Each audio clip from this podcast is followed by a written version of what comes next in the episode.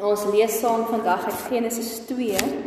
Ons gaan vers 15 tot 17 lees, net so as 'n bietjie agtergrond en dan hoofstuk 3 vanaf vers 1 aflees. So die verhaal van Genesis ken julle waarskynlik. Ehm um, elke kinderbybel begin met Genesis 1 en 2 en 3. Dit is 'n verhaal wat ons dikwels hoor en waaraan ons dink, maar ek wonder of ons ooit dink Maar wat beteken dit? Wat sê dit vir ons lewens? So die boek van Genesis, veral die eerste 11 hoofstukke, is eintlik 'n geloofsverhaal. Dit is 'n storie wat mense kon vertel het van hoe die wêreld tot stand gekom en hoe die verhouding tussen God en mens begin en wat het daar gebeur. So ja, baie keer as jy hierdie gedeelte lees, dan maak dit nie altyd vir ons wetenskaplik sin nie, maar dit is ook nie veronderstel om wetenskaplik sin te maak nie.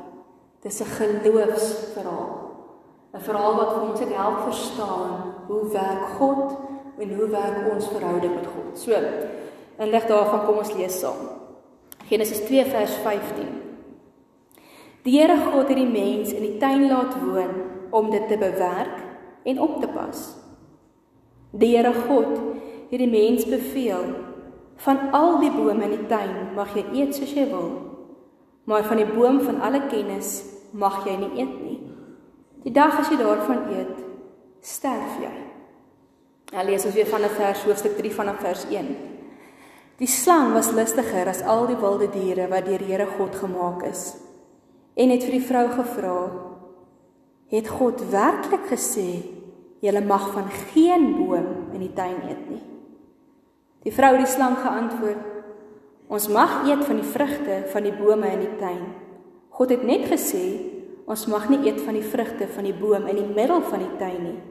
En ons mag dit nie aanraak nie, want dan sterf ons. Toe sê die slang vir die vrou: "Julle sal beslis nie sterf nie.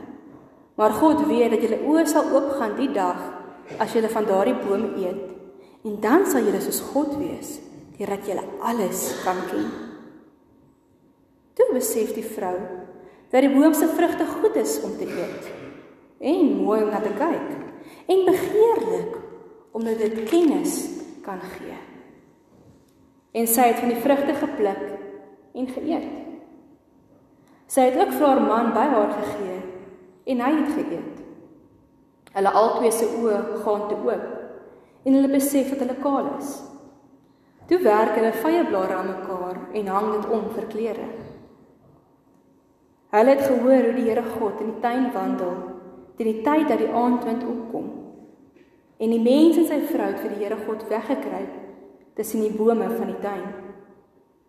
Maar die Here God het aan die mens geroep en hom gevra: "Waar is jy?" En die mens antwoord: "Ek het u oorwandel in die tuin en ek het bang geword want ek is skaal. Toe het ek weggekruip."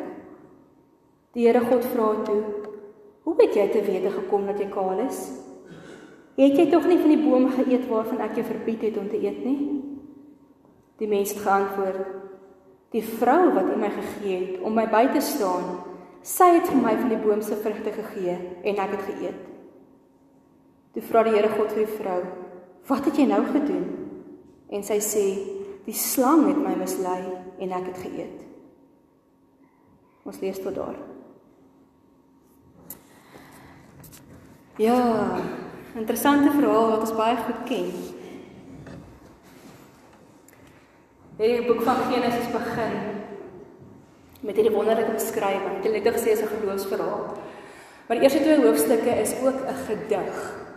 'n Gedig wat kuns, kunstig saamgestel is om te beskryf oor hoe wonderlik God die skepping gemaak het die diere, die plante, die, die waters, die berge, alles daarin. En aan die kroon van hierdie skepping wat die Here gemaak het, was die mens. En vir die mense het hy hierdie opdrag gegee, ons in Hoofstuk 2 vers 15 gelees het. Bewerk die aarde, sorg vir die tuin, sorg vir die diere. Wat ons hier in Genesis lees, dink ek sukkel ons partykeer om te verstaan. Want dit is 'n wêreld wat ons nie ken nie. Ons het laaste paar weke 'n paar keer daaroor gepraat. Maar die wêreld wat ons ken is 'n wêreld wat stikkend is. 'n Wêreld wat dikwels gekenmerk word deur slegte goed wat gebeur, deur swaar kry, deur lyding, net soos nou in lydingstyd ook is. Dis die realiteit wat ons ken. En dan kom God en hy vertel vir ons dat hy die wêreld geskep het. Hy het geskep het as hierdie wonderlike wonderlike plek. 'n Plek waarvan ons waarskynlik in ons wildste drome nie eers sal kan indink hoe dit moes gelyk het nie. Dit was 'n wêreld waarin daar genoeg was. Genoeg bos, genoeg water, genoeg krag, fisiese krag. Dit is 'n wêreld waarin daar geen tekorte was nie. Dit is 'n wêreld waarin daar totale vrede was, harmonie. 'n Samewerking tussen alles wat die Here geskep het. Dit is 'n wêreld wat nie deur besoedeling of deur vergryping of deur enige negatiewe dinge geraak is nie. Dis 'n wêreld waar die natuur floreer het. Ek sal dit graag eendag weer wil sien. Waar niks in natuur afgebreek en stukkend gemaak is nie. Dis 'n wêreld waarin mens en dier in vrede saamgeleef het. 'n wêreld waarin mens met mekaar eenheid gehad het. 'n koneksie, 'n samehorigheid. Dis 'n wêreld waarin die mens saam met God gewandel het. Nou ek het al vorige keer weet ek toe uit Genesis 17 gepreek het, ook oor hierdie wandel gepraat. As 'n paar mense in die Bybel wat ons leer saam met God gewandel het. Adam en Eva, Henog en Abraham. Om te wandel saam met iemand is so net sien altyd my oupa en my ouma in hierdie in my prentjies ek het my gedagtes ek het sien. Is om by iemand in te haak. En saam met hulle te dook. Maar soos 'n mens dook, loop jy rustig. En jy kyk vir die wêreld om jou, jy kyk wat aangaan. Jy gesels wat in jou hart aangaan, jy gesels waar jy droom, waar jy bang is. Jy leer mekaar ken. Om te wandel saam met iemand beteken nie die een trek hierdie kant en die ander trek daardie kant toe nie. Maar jy stap tree vir tree in pas met mekaar.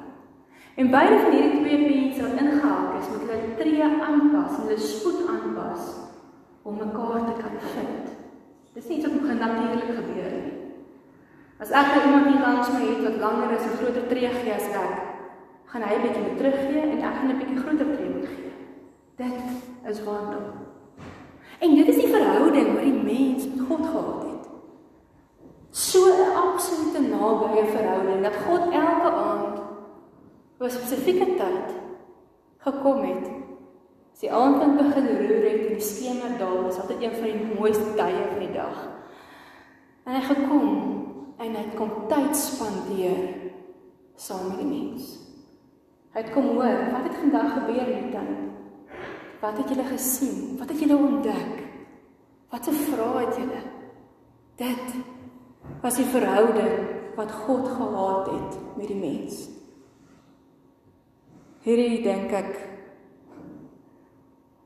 moes wonderbaarlik gewees het. Amazing. Om so naby die Here te wees dat dit voel asof jy sy aan sy met hom loop. Dit is die wêreld wat God geskaap het. 'n Wêreld wat hy vir ons alles wil gee en meer as waar ons ooit kon droom. Maar die verhaal wat ons vandag gelees het, is die verhaal wat dit alles verander het. Die verhaal wat vir ons kom vertel hoekom ons nie meer so naby aan God leef nie. Ek het julle uitgenooi vandag met die tema so ver en tog so naby. Want hierdie droomwêreld waarvan Genesis 1 en 2 praat, is 'n wêreld wat ons nie meer ken nie. As ek dink ons moet praat oor ons verhouding met die Here, gaan ons omtrent sê 60% dalk van die kere wonder ons en vra ons en worstel ons met die Here oor hoekom hy so ver voel. Oor hoekom dinge so skeef loop, hoekom die wêreld so seer is. Dalk is jy vandag op 'n plek wat jy voel maar Ek voel ver van die Here af. En ek dink nie as hierdie droomwêreld van Genesis gaan nooit vir my werklikheid word nie. Waarom wil ek vir jou vra? Voel jy ver van die Here af? So ek het net met die kinders gepraat oor vas en julle as gemeente gepraat oor vas. So wat is die ding in jou lewe wat jou tyd steel, jou krag gee, soos hierdie ketel krag steel? Wat is die ding wat jou krag steel, jou tyd, jou nabyheid by die Here steel in jou lewe? Dalk het jy sommer net nou net ietsie opgegee en gesê ja, nee, ek gaan koffie opgee in hierdie tyd of 'n sjokolade of so iets. En dis goed, doen dit asseblief. Maar dit is nie die kern wat ons ons laat ver van die Here af nie. Dalk weet ons nie eers soos ons vandag hier sit. Wat is dit wat ons so ver van God af laat voel? Wat is die rede waarom ons seker sukkel om 'n koneksie, 'n verbintenis met die Here te maak? Hoekom sukkel ons deur die eeue om saam met God te wandel? Daar is net 3 mense in die Bybel is wat dit kon gedoen het. En Jesus, so vier. Waarom sukkel ons? Ek dink die verhaal van Genesis kan ons help om te verstaan. Kan ons help om te verstaan waarom daar hierdie afstand is? So ons nou hierdie verhaal gelees. En ek wil dit vir julle verduidelik in in die hand van 'n beeld. Sê nou maar ons het voor ons 'n meer, 'n dam water. En op hierdie dam water is dit kalm. Daar's nie 'n ritseling nie, daar's nie 'n roering nie. En in hierdie dam water dryf 'n blaartjie. En daardie blaar is ek en jy. Dis ons lewe. En daar's 'n hele paar blaartjies op hierdie dam, op hierdie meer wat daar dryf. Dis wat vir Adam en Eva was. In die tuin was alles kalm, alles het gewerk. Niemand was mekaar se spasie nie, daar was nie storms nie, alles was goed. En toe kom die slang. Die slang wat hier beskryf word as die versoeker. Nou dis baie belangrik dat ons nie vir die slang die skuld gee nie maar die slang blote instrument was wat self verlei was deur die grootste versoeker wat ons weet die Satan is. Die Satan wat self gekom het en vir Jesus in die woestyn kom versoek het. Jesus gekeer het om te doen net wat God wou keer. Jesus wou keer om te doen dit wat God wil hê hy moet doen. En die slang kom en hy kom na Eva toe. En hy gooi 'n spreekwoordelike klip in die dam in. Nee, dit kan hom dan. Gooi hy 'n klip. En hy kom en hy vra vir Eva: "Het God werklik gesê julle mag van geen bome in die tuin van Eden eet nie, anders sal julle sterf?" As julle mooi geluister het, sou julle gehoor het dat dit nie die waarheid is nie. Net die halwe waarheid. In Genesis 2 het ons gelees God het gesê Hulle mag van al die bome in die tuin eet, nie van geen nie, behalwe van die boom van alle kennis. Nou kom die slang en met hierdie halwe waarheid, net genoeg om geloofwaardig te klink, kom saai hy twyfel. Kom laat klink hy vir Eva, laat dit vir Eva klink asof God daarom nou baie onredelik is. Want hoe kan hy hulle verbied om van die bome in die tuin te eet? Die versoeker kom saai twyfel in wie God is. Hy kom skep wantroue.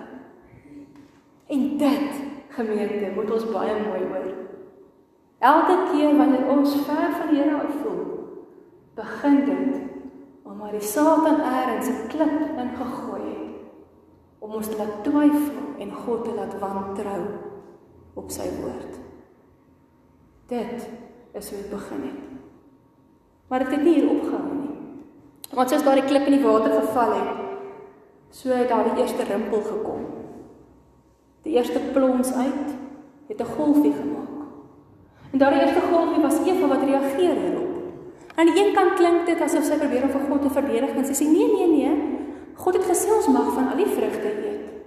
Net nie vir die bome in die middel van die tuin nie. So dis waar Maar dan gaan sy verder en sy sê: "Maar ons mag ook nie hierdie boom aanraak nie, dan sal ons sterf." En sy kom las 'n stertjie by by wat God gesê het. OK? Is dit verkeerd? Sy het hom vir God verdedig. Sy het die waarheid die waarheid herbevestig, maar ook nie volkome nie. Want hoekom nie? In haar kop het sy gebyt aan hierdie gedagte wat die saadjie wat die slang geplant het, die versoeker geplant het, dat God onredelik is. Onredelik om 'n grens te stel. En nou gaan sy en sy sê sy las by en sy maak dit erger as wat dit is. Sy sê ons mag nie eers aan hierdie boom raak nie. Hierdie tweede hierdie rimpel wat gemaak is, is 'n groot rimpel. Want Eva het twee dinge verkeerd gedoen. Sy het God onteer. Nie gerespekteer nie omdat sy gesê het sy mag van hulle mag nie eens aan die boom raak nie. Sy het gebyt aan hierdie slang se woorde. Maar nog tweede ding wat as met die probleem. Is God het vir hulle gevra: "Versorg die tuin." Nou staan sy terug en sy sê: "Ons moet die tuin blykbaar versorg, maar ons mag nie eens aan die boom vat nie." Sy ontken haar verantwoordelikheid. Sy kom met 'n verskoning en sê: "Ons kan nie doen wat God vir ons vra nie." Daarom is hy onredelik. Hierdie wantroue wat gesaai is, kring net verder uit. En dit hou nie hier op nie. Wat die oomblik toe sy en die slang die versoeker na hierdie gesprek het, toe vat die vrou die vrug. En sy besef maar hierdie vrug en hierdie ding lyk nou so aantreklik. Want hoekom? Die slang het die wortel voor haar neus geswaai dat sy beter weet as God dat wanneer sy hierdie vrug eet, sy soos God self sal word. Wat dink ek vir myself? Hoeveel van die dinge in ons lewens wat verkeerd loop, is omdat ons dink ons weet beter as God. Omdat ons dink dat wat die Here vir ons sê ons moet doen, is nie voldoende nie. Dis te moeilik of dis nie lekker nie. Ek I'm the master of my own ship. I'm the captain of my own ship. Ek weet die beste vir my lewe. En dit is waarom Eva gebyt het. En sy kyk na hierdie vrug en sy besef, "Ag, hy's mooi, hy's lekker en hy's begeerlik. Ek gaan hierdie ene vat. Ek wil soos God self word." So sy verwerp die wese van wie God is met hierdie daad wat sy doen volgende ripple effek. En dit gaan selfs nog verder. Want sy gee ook vir haar man. En as ag, daar's mos al baie stories oor Adam en Eva se verhouding. Maar baie interessant dat Adam in hierdie gedeelte nie 'n woord praat met die uitruil van hierdie vrugte nie. Hy vat dit en hy eet dit. Hoekom? Want toe hy en Eva geskape is, was hulle een. Daar was 'n volle vertrouensband. Hy het nie nodig gehad om vir Eva te bevraagteken. Het die vrug gevat en dit geëet. Maar die feit dat hy vrug gevat en geëet het, het daai vertrouensband gebreek. Die volgende ring effek. En dit hou ook daarop nie. Gaan verder. En toe hulle besef dat hulle kaal is, toe kruip hulle weg vir God. Hierdie amazing geleentheid wat hulle gehad het om saam met die Here te wandel, elke dag saam met hom te stap, om sy naby te beleef. Stap hulle nou weg van. Hulle gaan kruip agter 'n boom weg. Want hulle wil God nie sien nie. Hulle verhouding met die Here kry skade. Hulle verhouding met die Here raak stuk en hierdie nabyheid word gebreek. En die volgende ripple effek kom toe hulle mekaar begin beskuldig. Nee, dis die vrou. Nee, dis die slang. Adam sê dis Eva en Eva sê dis die slang. Ons gebruik vandag nog daardie uitdrukking. Want dit is vir ons as mense so natuurlik om die verantwoordelikheid te sy stap en die blaam mekaar te plaas. Ons doen dit by die as maatjies doen dit by die skole tussen mekaar, mans en vroue doen mekaar, boeties en sissies doen mekaar, mense by die werk doen mekaar. Dis nie my skuld dit gebeur nie, daai net dit en dit en dit en dit gedoen. Sien, jy vir my kwaad as om te kwaad geword het. Jy dit dit en dit en dit gedoen. Van tot vandag toe gebruik ons hierdie blaam wat ons rondskuif in 'n ander plaas om ons verantwoordelikheid te sy stap. Dit is die effek van sonde. Want met elke ringeling wat gebeur het, hierdie sneeubal effek wat hier van een na die ander ding gekom het, het hierdie blaartjie wat op die meer was, verder en verder weggedryf. Het die blaartjies van verhoudinge teen mekaar begin bots. Mekaar dalk selfs gesink. Want dit is wat sonde doen. Wat Genesis 3 vir ons leer is hoe vernietigend die Satan is en hoe sy een doel op aarde is en dit moet ons mooi hoor om ons ver van God te laat voel. Hy het gekom sodat ons God wantrou. En hy gebruik verskillende maniere om dit te doen, net soos die slang gebruik is en Eva gebruik is en Adam gebruik is. Gebruik hy verskillende maniere en dinge wat gebeur om ons laat voel. Maar ons raak dryfend al hoe verder van God af weg en verder van mekaar af weg. Ek gebruik altyd met huwelik en dalk het julle dalk getroue ook al gehoor is 'n ou ding, 'n driehoek. Waar God bo op die bopunt van die driehoek is en man en vrou is hieronder. En hoe nader man en vrou aan God op die driehoek beweeg, hoe nader beweeg hulle ook aan mekaar. Dieselfde geld vir elke liewe tipe verhouding wat ons het. Ouer en kind, werkgewers, oral. Hoe verder ons van God beweeg, hoe verder beweeg ons van mekaar af. Soos hierdie rimpel effek ook aangaan in ons lewens. Hoekom voel ons ver van die Here af? Omdat dit is wat sonde doen. Hierdie een halwe waarheid waarby die slang begin het. Kyk hoe ver dit gespoel. Soveel so dat die slang met die mens, dier en mens, vyande geword het. Waar oorspronklik mekaar moes versorg het. Soveel so dat as 'n man en vrou verwydering gekom het in 'n verhouding wat eel was, waar 'n eenheid was, waar 'n gemeenskaplikheid was. Sonde gekom in hierdie verhouding met God verbreek. Want jy beskik moes hulle wegkruip vir die Here. Maar waarom het God dan net vir Adam en Eva vergewe nie? Dis dalk 'n volgende vraag wat ons vra. Ons wat as gelowiges kyk in die Nuwe Testament uit en besef dat Jesus gekom het om vir ons vergifnis te bring. Waarom het die Here nie net vir Adam en Eva vergewe nie? Was mos hy swaar hartlik al was en 'n bietjie meer geweet het, nie was dit? Dit was nie omdat hulle meer geweet het nie. Nie omdat hulle kaal was nie. Maar omdat hulle nie geluister het wat God vir hulle gevra het om te doen nie. Want vir hierdie ideale wêreld wat God geskep het, wat hy in plek gestel het, was daar grense. Was daar reëls om dit 'n veilige ruimte te hou. Daarom is daar wette en reëls in die Bybel. Soos net dink aan die aan die grootste gebooie soos in die Nuwe Testament hoor. Jy moet die Here jou God lief hê en jy moet jou naaste lief hê. Is reëls wat daar gesit is sodat daar veilige verhoudings kan wees. Die oomblik dat die mens homself liewer het as vir God, toe breek die verhouding. Die oomblik dat die mens homself liewer het as 'n medemens, toe breek daardie verhouding. Die oomblik dat die mens die grense breek, toe raak die ideale wêreld wat God gemaak het stukkend. En God moes hierdie mense straf. Want hy moes op 'n manier kom en hy moes vir hulle sê Alhoewel julle die grense oortree het en hierdie reëls gebreek het, gaan ek vir julle met ek vir julle wens wat die Here self is, dat ek steeds getrou is aan wie ek is. Want die slang het versoek om wantroue kom saai en God moes weer vertroue hervestig. Daarom moes hy getrou wees, daarom kon hy nie op daardie stadium hierdie mense net voor die voet vergeef as of niks verkeerd gaan het nie. Hy het hulle beloof As hulle eet van hierdie boom, gaan hulle sterf.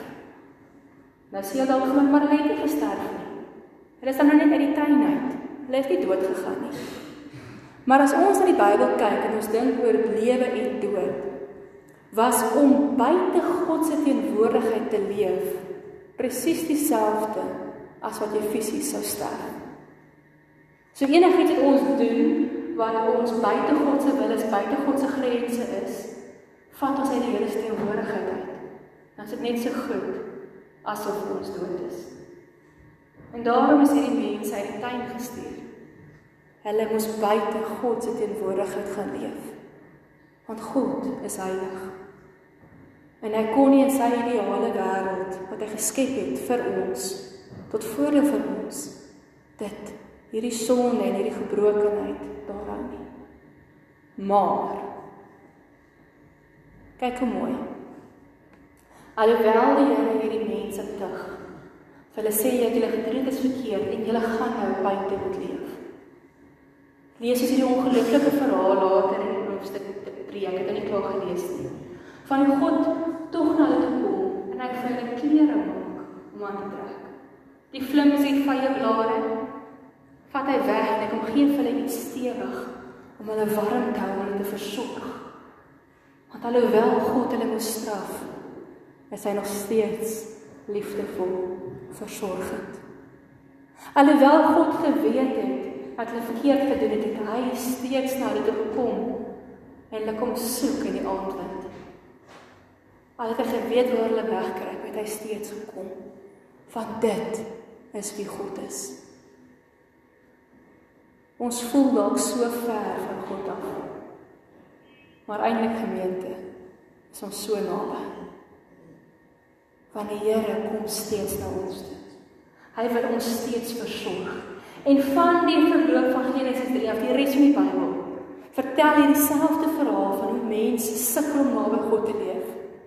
En hoe God elke keer kom, soos Adam en Eva En mense sê, "Waar is julle? Kom terug. Ek wil julle weer hier naby my hê.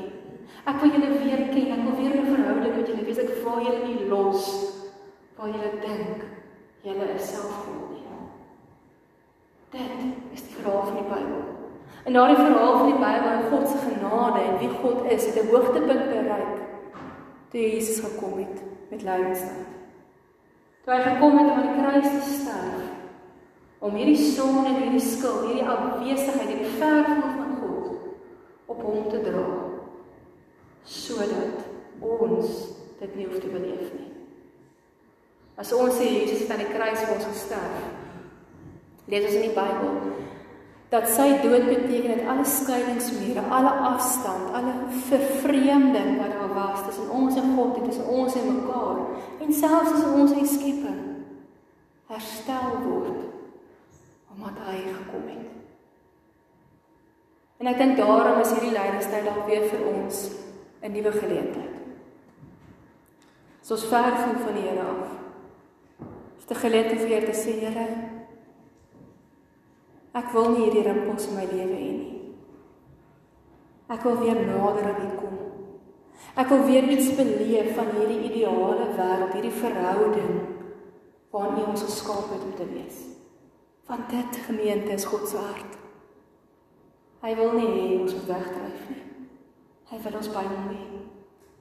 So wanneer ons in hierdie lydingstyd en sê Here, ek gee op, en dalk moet ons 'n bietjie dieper gaan dink as net sjokolade en koffie en seepies.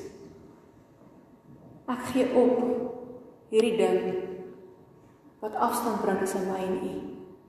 En ek maak tyd om nader aan U te kom, tyd om weer saam met U te spandeer. Ons rede hoekom ons 'n dag afsluit met gebed, met Bybel lees, want ons wandel weer saam met God. So hoe veel uit my gemeente. Ons voel dalk ver. Maar ons is nie so ver nie. Dit is eintlik so naby. Die Here staan en wag. Dat ons agter ons boom uitkom en dat ons na hom toe kom beteken nie ons gaan nie eers weer droog maak nie. Beteken nie versoeker gaan nie eers weer 'n klip in ons dam gooi en alles omdolwe en golfies veroorsaak nie. Maar wanneer ons naby die Here staan, dan gaan die golfies dalk nie so ver uitkring nie. En gaan hy kom en die waters weer stil maak. Want dit is sy belofte. So ver, maar tog so naby. Die Here vra vir ons op vandag. Waar is jy? Want hy soek vir elkeen van ons. Saam met hom by hom. Kom ons gebruik hierdie lydingstyd Wat ons bewus raak van die offer wat Jesus gebring het sodat ons naby die Here kan wees. En kom ons nader weer tot die Here. Ek gaan vir julle geleentheid gee van stil gebed vanmôre. Dan net 'n oomblik te praat met wat die Here op jou hart gelê het. So kom ons raak stil en praat met die Here.